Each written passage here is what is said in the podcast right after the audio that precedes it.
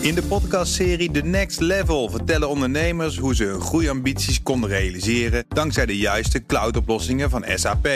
Wat waren de uitdagingen, de oplossingen en hoe ging de uiteindelijke implementatie? Benieuwd naar hun verhalen en hoe zij met behulp van SAP ook hun toekomstige ambities kunnen behalen? Luister de podcast The Next Level via de BNR-app of je favoriete podcast-app. De veiligheidsregio Amsterdam-Amsteland sloot deze week de bijenkorf op de Dam... omdat een deel van het personeel besmet is met het coronavirus. En de beurskoers van Galapagos ging flink onderuit... nadat het bedrijf dit jaar nog niet het reuma-medicijn... nip op de Amerikaanse markt mag brengen. We gaan het allemaal bespreken in het ondernemerspanel... met daarin vandaag eh, Remy Ludo Gieling, hoofdredacteur van Sprout en managementteam... Dag Remy. Goedemiddag, hi. Hoi, Eduard Schaapman, oprichter van Tribes, is hier. Dag uh, Eduard. Goedemorgen, middag. en zakenpartner is uh, nog altijd Elske Doets van Doets Reizen. En we beginnen met jullie eigen nieuws. Uh, Eduard, wat heb je meegebracht? Ja, ik heb weer eens een fantastisch artikel gelezen in de Volkskrant. Wordt steeds meer mijn favoriete krant. dit keer een artikel van Marieke de Ruiter. met de kop: Het is moeilijk te verkopen dat personeel wel naar de kroeg mag, maar niet kantoor. Daar waar de beste ventilatie is. En ze refereert daarin naar een uh, ja, professor, hoogleraar psychologie, Mark van Vught van de Vrije Universiteit. En die heeft een internationaal onderzoek gedaan rondom de psychologische gevolgen van thuiswerken. Mm. Desastreus. Hij ziet dat inderdaad thuiswerken leidt tot verminderde zinsgeving, creativiteit en sociale cohesie. Hij vreest zelfs dat de langdurige professionele en sociale isolatie kunnen leiden tot burn-out klachten of juist totale onverschillenheid tegenover personeel. En de problematiek hey, wordt inderdaad Eduard, bevestigd een, half 2000 artsen. Een half jaar geleden hoorde ik hetzelfde over de kantoortuin. Dat je daar ook hersendood van, uh, van ging. Dat klopt, maar het is toch weer een studie. En wat ik toch weer moet stellen is... Uh, het problematiek die natuurlijk onze minister-president Rutte geeft... is je loopt de marathon en je bent op 21 kilometer... en opeens zegt hij, jongens, blijf allemaal maar lekker thuiswerken. Dus je hebt geen perspectief. Je weet niet waar je aan toe bent. En wat wij merken binnen onze kantoren... is dat al die jeugd tussen 20 en 40 die werkt bij de grote bedrijven. Dus ik heb er baat bij, eerlijk gezegd. Allemaal met een membership bij ons komen werken. Per dag. Want dan ligt het risico niet bij de grote bank of de pensioenfonds als het moet sluiten. Mm. Maar bij Tribes. Dat is natuurlijk hetzelfde wat met de bijenkorf aan de hand is. ja. Uh, Remy, jij dan? Uh, wat, is, wat is jouw nieuws uh, vandaag? Nou ja, allereerst dat ik blijkbaar als 30-jarige nog steeds als jeugd wordt gezien. Ja, 40 dus jaar wel, joh. Dank je wel daarvoor, Eduard. Wat fijn. Uh, nou ja, ik, uh, ik ben bezig uh, de afgelopen maand met het schrijven van een boek over de praktische toepassingen van kunstmatige intelligentie voor Nederlandse bedrijven.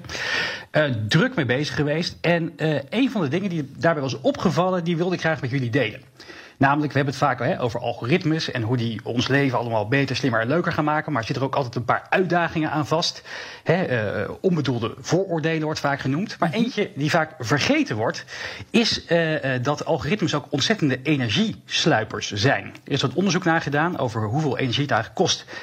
om, om al onze uh, Netflix-series aan ons uit te serveren. zes uur Netflix kijken kost ongeveer uh, een liter ruwe olie is, is berekend. Oh. Maar bijvoorbeeld ook een, een, een, een robothand die een, een, een Rubik's Cube kan oplossen.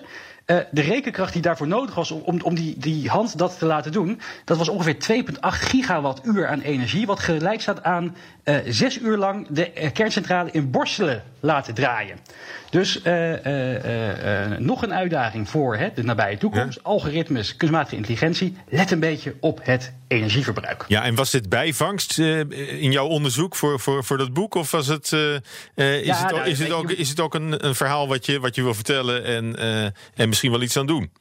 Nou, ik vind het natuurlijk wel belangrijk om te vermelden. Het, het, het, kijk, in zo'n boek, je, je schrijft heel veel uh, voorbeelden hoe het goed gaat en hoe bedrijven er baat bij hebben. Maar dan moet je ook wel een beetje oog hebben voor, voor de keerzijde. En ik denk dat het goed is om met z'n allen daar wat meer rekening mee te houden. Aan, aangeraden wordt bijvoorbeeld door, uh, door, door kenners om, hè, als je aan de slag gaat met algoritmes, om ook even bij te houden hoeveel uur computerkracht je voor hebt in, in, in, ingekocht. Dan weet je als organisatie ook net wat beter wat je carbon footprint was van, uh, van, uh, van de, van de uh, initiatieven. Ja, maar met dat energieverbruik wat, wat jij nu noemt in, in, twee voorbeelden, zou het ook wel eens een serieuze drempel kunnen zijn voor het zo fanatiek uitrollen van al die artificial intelligence initiatieven. Nou ja, zeker. Zelfs de, eh, de, de Facebook bekende Facebook-onderzoekers die hebben ook al gezegd van ja, uh, weet je, de, de, de, computerkracht die we nodig hebben voor onze geavanceerde AI-berekeningen, die, uh, die, die verdubbelt elke 3,5 maand. Dat is natuurlijk echt, echt krankzinnig in exponentiële groei. Ze besteden nu al voor een experiment een aantal miljoen dollar vaak. En ze zeggen ook, ja, als we geen energiezuinige manier vinden om nieuwe modellen te ontwikkelen, dan, dan, dan kunnen, we, kunnen zelfs wij dit binnenkort niet meer bekostigen. Dus het is ook wel een mooi incentive aan de wetenschap om, om nieuwe manieren te verzinnen om, uh, om iets energiezuiniger om te gaan met, uh, met, uh, met kunstmatige intelligentie. Het, is, het zal de vooruitgang wel zijn, Remy. Ja. Ik denk dat dat gaat on, onwillekeurig met een hoop energieverbruik gepaard. Ehm, Elske, ehm, ja. jij wilde het hebben over de derde NOE-regeling. Ja, ik las een artikel in de Telegraaf vanochtend waarin stond dat het een bittere noodzaak is. Uh, ja, uh, we hebben natuurlijk straks Kees de Kort gehoord. Uh, die zegt uh, dat dat inderdaad zo is. Omdat het natuurlijk allemaal de overheid is die dit over ons heen heeft geworpen. Ehm, maar wat mij nou opvalt in dat artikel is dat er heel erg wordt gesproken over de horeca en de kleine bedrijven. Maar ik heb toen die eerste nauwregeling, want je kan dat allemaal oproepen, gekeken van nou wie krijgt dat nou mm. allemaal? En je ziet er enorm veel geld naar al die voetbalclubs gaan met al die dure voetballers. Je ziet enorm veel geld gaan naar uitzendbureaus. Uh, je ziet uh, ook echt heel veel geld gaan naar uh, bijvoorbeeld jaarbeurzen en Ahoy. Booking.com. ja, dus ja. En ik vind zo'n. Ik, ik zelf als ondernemer hou geen rekening met een derde nou. Want ik vind het heel erg uitstel van executie. We moeten nu, hoe moeilijk ook, toe naar een nieuwe realiteit. Dus resetten voor 2021. Ja, ook als dat betekent dat er, eh, dat de bedrijven gewoon gaan, gaan omvallen? Ja, want uh, zolang dit voortduurt. Kijk, corona was eerst een soort klap uh, en onverwacht. Maar het blijkt wel een soort nieuwe realiteit te worden. Want er komt geen licht aan het einde van de tunnel. Dus moet je toch als ondernemer niet denken van nou, hè, ik, ik wacht tot die derde weer komt. Ik hm. spreek vanuit een non-profit initiatief ook eh, ondernemers om ze in coronatijd te helpen. En die staan gewoon soms echt op een wachtmodus. Ja. Die gaan zich dus niet opnieuw uitvinden. Want die denken, jij krijgt toch wel geld van die overheid. Ja, maar goed, het is... Ja, uh... Dus ik, ik vind dat, dat mensen een beetje wakker moeten worden. Ja. Maar vind je dat er helemaal geen NOW-regeling meer zou moeten komen? Of, zou, of pleit jij voor veel meer maatwerk en veel meer precisie... zodat niet ook bedrijven die het misschien helemaal niet nodig hebben... daar toch op de een of andere manier uh, voor in aanmerking komen? Ja, um, maatwerk zou goed zijn. Um, maar ik, ik, denk dat we ook toe moeten en moeten accepteren dat, uh, dat we of allemaal naar het binnenhof moeten, zoals meneer De Kort eigenlijk ons adviseert, hm. of uh, uh, gewoon jezelf opnieuw uitvinden. Ja. ja, dat was inderdaad wat ik net hoorde van Kees De Kort. Want ik ben een van die 48% bedrijven die nog helemaal geen steun heeft ontvangen, omdat die veel te veel omzetgroei hebben gerealiseerd. Dus daarvoor dank al aan mijn klanten. Maar ik hoorde Kees de Kort en ik dacht, ja, ergens heeft hij helemaal gelijk. we komen zo meteen op het onderwerp van de bijenkorf. En ik hoop dat we dat ook goed door gaan mhm. spreken. Want ik zit nu wel een beetje op de hand van Kees. Uh, na dat fantastische interview waar jij niet helemaal uh, happy mee was, hoorde ik. Maar ik denk toch dat we de verantwoordelijkheid bij de overheid moeten gaan neerleggen. Want die bepaalt op dit moment hoe wij ons moeten gedragen als ondernemers. En wat we wel en niet mogen. En we hebben helemaal geen vrijheid meer. Nee, nee ja, je noemt de bijenkorf al op de Dam in Amsterdam. Die moest uh, voor twee weken dicht. Bezopen. omdat er tien personeelsleden waren besmet. Ik weet niet hoeveel mensen werken bij de bijenkorf. 1400, maar niet op deze vestiging. nee, niet op één vloer. Nou, die waren dus eh, besmet. Sommigen uh, waren aan het werken op het moment dat ze uh, toch besmettelijk waren. En dat is dus helemaal niet low. Jij vindt het bespottelijk dat, uh, dat het Bespottelijk, vooral ook omdat die, die waarschuwing veel te laat kwam. En mevrouw Halsma mag wel een grote protestmars organiseren op de Dam. En vlak daarnaast, in de Bijenkorf, zijn er inderdaad tien, merken, tien medewerkers positief getest. Waarvan aangetoond door de GGD dat het niet allemaal positief getest is vanuit de Bijenkorf. Nou, ik denk dat de Bijenkorf en ze durven het nu nog niet, gewoon uh, de gemeente aansprakelijk moet tellen. En uh, omzetverlies en kostenverlies. Voor twee weken, nou twee weken bijenkorf. Dat, ja. dat is een woord. Remy, kijk je er ook zo tegenaan? Nee, absoluut niet. Oh. Nee, ja, ik, oh, het is altijd heel, het is altijd heel makkelijk uh, om, uh, om met z'n allen te gaan schreeuwen hoe slecht de overheid wel niet is. En, uh, en ja, weet je, dat, de, op de overheid is het ongelooflijk makkelijk schieten. Hè? Ga er maar eens eventjes mm. zitten, zou ik zeggen, als je er zoveel kritiek op hebt. ja, ik denk als je. Heb je, als, als je, heb je, heb je politieke ambities, Remy? Ja, dat lijkt wel, Remy. Ja. Heb je politieke ambities? Ja, ik nee, maar ik denk voor, voor Eduard misschien leuk. Als je een keer de kantoortjes uit wil, dan ga je in een gemeenteraad. Dan kom ik jou helpen met de bus of zoiets. Ja. nee, dus ik denk, weet je, als je tien, tien, eh, tien personeelsleden hebt die, eh, die cor- besmet zijn met corona, hè, of dat nou buiten, buiten, kantoormuurtjes waren of daarbinnen. Besmet is eh, ja, besmet, besmet is ja. besmet. Eh, dus eh, ik denk dat ze daar een, een weloverwogen eh, beslissing in hebben gemaakt. Nee, maar de- ik, ik, zie toch ook wel. eh, sorry, Remy, dat ik je in de reden val. Maar er is ook wel van enige willekeur sprake, lijkt het. Eh, ook als je het vergelijkt met andere regio's. Want eh, de Jumbo in Breda had ook een corona-incident met medewerkers. Maar die blijft wel open. Nou ja, kijk, en dat is natuurlijk het probleem nu, dat, dat, dat de veiligheidsregio's zijn verantwoordelijk voor het beleid. Eh, Overheid je hebt dus. 25, 25 van, ja, je hebt 25 verschillende eh, veiligheidsregio's, die mogen er allemaal hun eigen afwegingen maken. En ja, dan, dan krijg je af en toe willekeur. Maar ik denk niet dat het hier in dit geval heel erg slecht is. Ik vind het ook minder erg voor een bijkorf die onderdeel is van een, van een miljarden eh, eh, eh, investeringsfonds eh, dan voor een eh, kleinschalige MKB'er. Daar zou het veel erger voor zijn. Oh, gelukkig, dus ik Maar kan ook toch, blijven. to- toch wordt elke keer dus heel makkelijk over die economie heen gestapt. En er komt natuurlijk een soort grens van weerstand. Waar we volgens mij nu wel op zijn. Dat we dat toch Hm. moeten gaan laten prevaleren. Ja, maar wat, wat, wat, wat heb je nog aan zo'n stenen winkeltje überhaupt, weet je? Eh, De, de, de, de, de, de, beetje de, de gemiddelde millennial zoals ik, die koopt toch alles Ja, bij maar een, die eh, in- in- bijkorf in- in- in is een er voor, voor ja, Chinezen, die zijn nu ook niet in Amsterdam, die daar luxe ze tassen kopen. klanten, dus, Ze kunnen net zo goed dicht. dus, dus verkapte vakantie voor ze. Ja. Nou ja, maar ehm, eh, ja, voor, voor, de, voor de bijkorf is het lastig, lastig verhaal eh, natuurlijk, lijkt mij. Maar ze, ze laten zich ook wel heel makkelijk naar de slagbank leiden, vind Ja, ik. dat ook. klopt. Maar kijk, er komt er veel verdere problematiek aan. En dat merk ik nu al in België. eh, want daar zit ik ook. En wat gebeurt daar? Als jij in de buurt bent geweest van iemand die corona heeft gehad. Ja, dat gaat, de dan- app gaat dat straks. App gaat, vertellen. dat doen ze al in Brussel. Ja. Dan moet jij verplicht tien dagen thuis blijven. Terwijl nog niet eens aangetoond is dat jij positief bent getest. Hè, ik bedoel, eh, de coronamelder komt er hier ook aan. Watch your... eh, eh, kijk absoluut uit wat er gaat gebeuren. Want zo zit iedereen dadelijk thuis en is er niemand meer om te werken. En Remy, dan kun je zeggen van ja, lekker makkelijk blaffen tegen die overheid. Ik wil voornamelijk dat iedereen dadelijk gewoon nog pindakaas op zijn boterham kan smeren. En dat kan alleen maar als er een paar ondernemers gaan opstaan die zeggen: jongens, kom op, laten we nou eens eenduidig en goed gaan communiceren met z'n allen. En Ja. dat vragen wij van de overheid. Ja. Dat is wat ik wil hebben. Ja, maar goed, we maar- duidelijkheid ja. krijgen. Maar je kunt ook zeggen, de, de, de Bijenkorf moet meer van zich afbijten. En, en moet niet, die zijn met een heel defensief persbericht gekomen. Van ja, sorry, we, we, doen er wel alles aan. Maar eh, eh, die, die moeten misschien veel, eh, veel proactiever daarin zijn. Ik weet niet wat de belangen zijn. Ik bedoel, uiteindelijk zullen zij verder moeten gaan met Amsterdam. en als je inderdaad wat te veel tegengas geeft tegen een overheid, zoals ik dit nu doe, dan krijg je inderdaad weer een klets van. Het is allemaal zo makkelijk praten vanaf de zijlijn. En het is al zo moeilijk voor die overheid. Het is niet waar. Zij kunnen ook duidelijk communiceren. Dat hebben wij allemaal als ondernemers moeten leren. Transparant naar je werknemers. Nou, overheid, ben eens transparant naar de mensen die wonen in Nederland. Ik weet niet waar dit eindigt. Geef eens duidelijk perspectief. Punt. Nou, Remy? Ja, dat, nou ja, weet je, kan je niet nogmaals. tegen Hey, zeggen. je dominee. je- Moet ik nog net geen amen gaan zeggen, Dat zijn punten. Ik, ben, ik, ben, ik ben een katholiek. Nee, ja, pre- pre- precies. Je, je zal altijd een paar van dit soort eh, sceptische figuren ertussen hebben zitten. Eh, het, is een, het, is, het is een ongekende situatie. Dat klopt. Eh, niemand heeft het ooit tegengekomen. Rutte niet, meneer Schaapman ook niet. Nee, dus eh, eh, ja, je, moet- je, moet- je moet het een beetje doen eh, met, met, eh, met, met, met hè, hoe, hoe, de, hoe de situatie zich ontwikkelt. En ik snap wel dat je dan van, eh, van moment tot moment kunt kijken. En niet gelijk ook kunt zeggen van goh, in 2021 gaan we dit doen. Ja, heel ander aspect is trouwens nog of, eh, of de Bijenkorf eh, wel zeggenschap heeft over wat medewerkers buiten kantoortijd eh, doen natuurlijk. Hè? Inderdaad. Ja, dat is, ja dat, dat is een lastige. La- la- überhaupt hè, voor bedrijven is dat. En ze hebben het in de kroeg opgedaan waarschijnlijk. Ja, maar is, is, is dat de volgende stap? Dat bedrijven hun personeel moeten, moeten dwingen zich op een bepaalde manier te gedragen?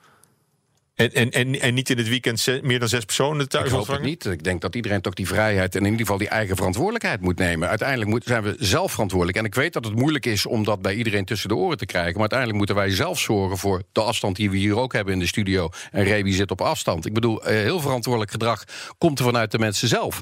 En ik geloof in eigen verantwoordelijkheid heel erg. En ik denk dus dat wij dat met elkaar moeten cheffen. En ja, als je dus, dus ook al gaat registreren en regelen waar zijn mijn medewerkers mee bezig, dan denk ik eh, dat het hier klein China gaat worden, wat Amsterdam al is geworden. Sorry, Remy.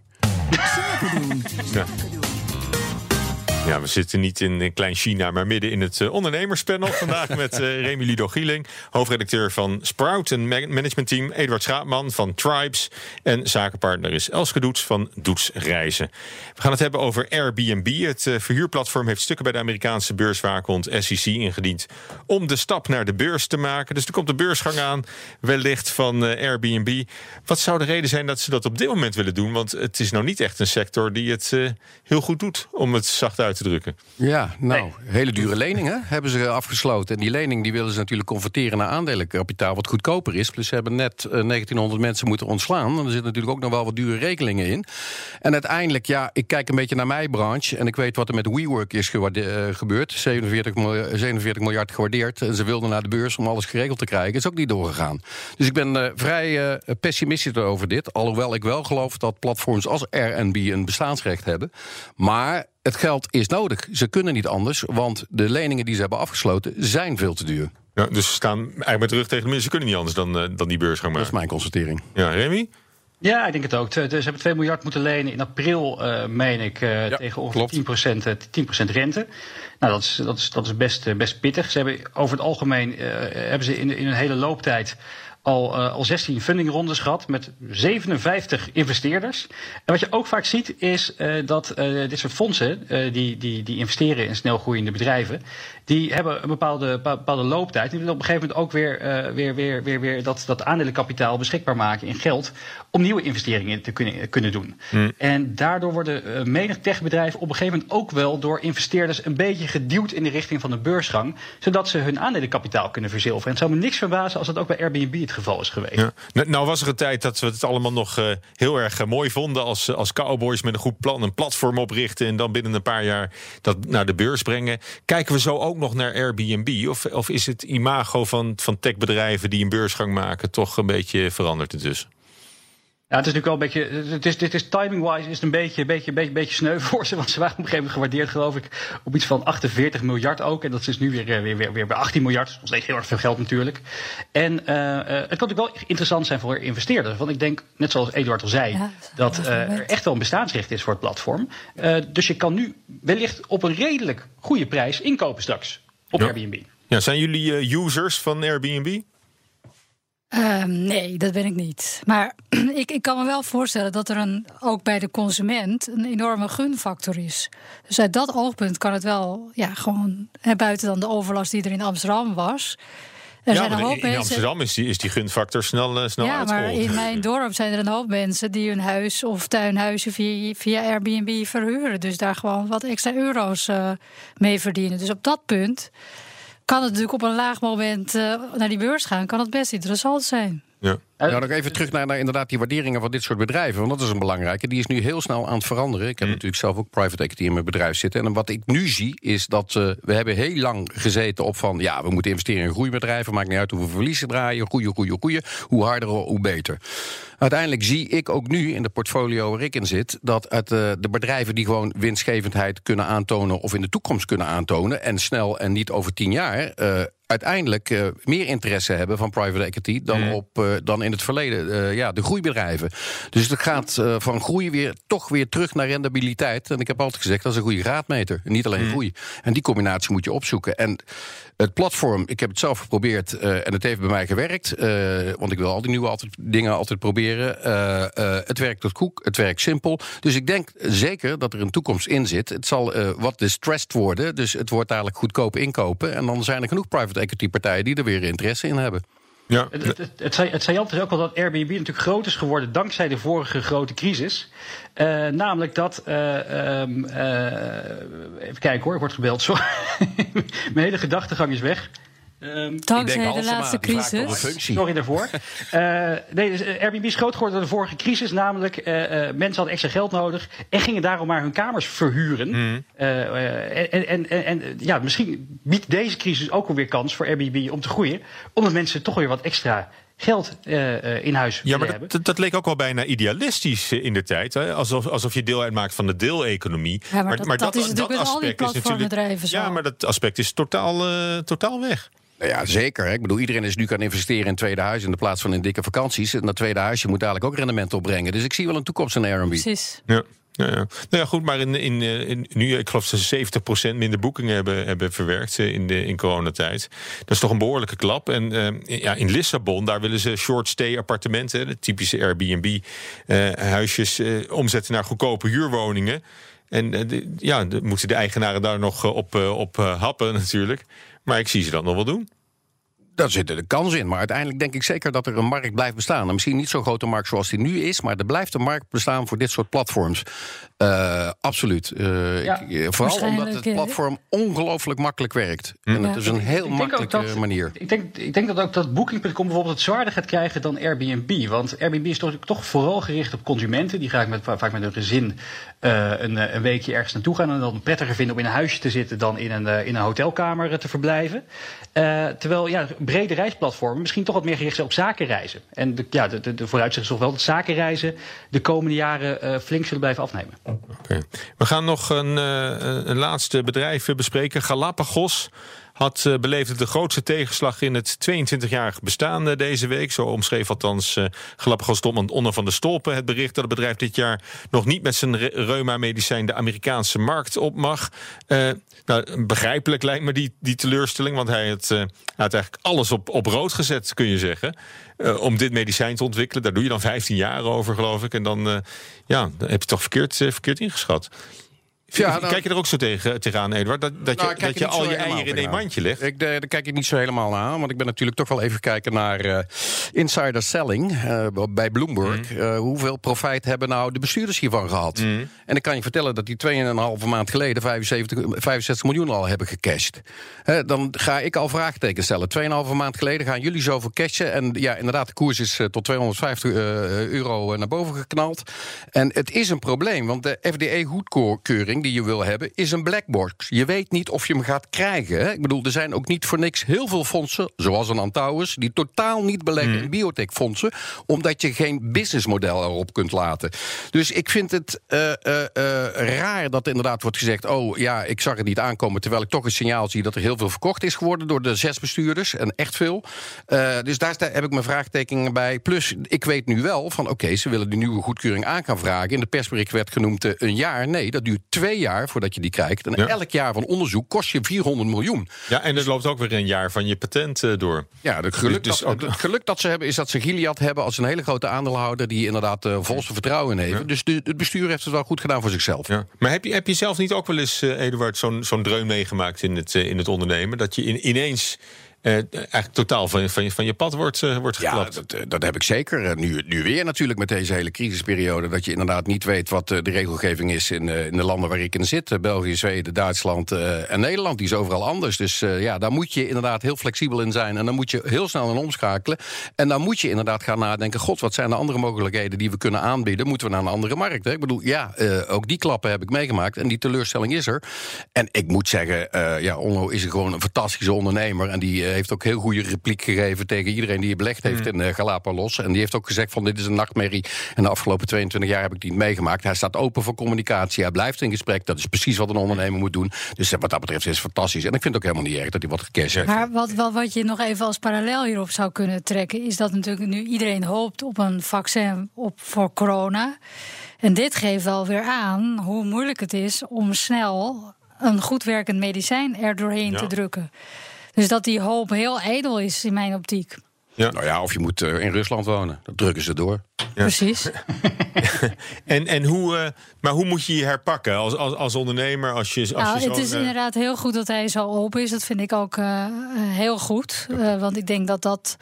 Dat je als je je kwetsbaar opstelt, dat je dan ook eerder sympathie krijgt. En ja, dan weer doorgaan. Dus uh, je bent in de branding terechtgekomen en je moet weer opstaan. ja, want dat is wel het verschil met de bijenkorf. Je ziet deze man gewoon in gesprek gaan. En ik vind dat uh, heel knap. Uh, ik bedoel, het is wat dat betreft laat hij weer zien dat hij een krachtige ondernemer is. Dat hij durft te communiceren, ook als er ja, tegenvallende resultaten zijn. Ja, een veel gehoord cliché op deze zender is altijd van...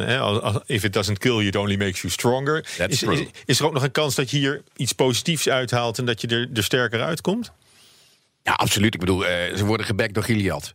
Uh, uiteindelijk komt het allemaal wel weer goed. Ja, maar dat is nog iets anders, hè? Of het wel weer goed komt, of dat, het, of dat je er beter uitkomt zelfs. Dat, dat, ja, ik, ik zie Elske heel hard nadenken of dat. Uh, of dat vind ik heel moeilijk bij dit, uh, dit businessmodel, ah, ja, omdat je afhankelijk bent van die FDA. En die, daar kun je geen businessmodel op loslaten. Ja. Nee, maar voor jezelf? Nou ja, kijk, dat hangt er heel erg van af wat je vermogen is. Hè? Dus uh, Eduard schetste even. Gewoon een geldkwestie toch? Ja. Uh, nou, de corona, nee, nee, de, de, de coronacrisis gaf je net voor zichzelf als voorbeeld. Ben je iemand die blijft liggen in die branding, of die weer het vermogen heeft om er overheen te kijken en weer op te staan en door te gaan? Ja, ja dat is heel persoons afhankelijk, denk ik. Ja, en de echte ondernemers die zijn proactief. Ja, wij moeten ook doorgaan, want de, de tijd zit er alweer op. Uh, ik wil jullie hartelijk danken voor je bijdrage aan het, uh, uh, aan het ondernemerspanel. Ja, sorry Remy, je wilde nog wat zeggen, hoorde ik. Maar nee, dat, uit, dat, dat, wordt de volgende keer. Dank voor nu, Remy Ludo Gieling, hoofdredacteur van Sprout en managementteam. Eduard Schaapman, oprichter van Tribes, ook hartelijk dank. En zakenpartner vandaag was Elske Doets, directeur van Doetsreizen. Dankjewel. Fijn dat je er was. En tot zover Zaken doen voor vandaag en voor deze week. De huizenprijs prijzen schoten in juli omhoog, maar de eerste scheurtjes in de woningmarkt zijn al zichtbaar. Durft directeur Cindy van der Velde van Vereniging Eigen Huis zich aan een voorspelling te wagen. U hoort het maandag bij BNR Zaken doen, dan weer met presentator Thomas van Zel. Die is terug van vakantie. En deze uitzending is terug te luisteren via de BNR-app en bnr.nl.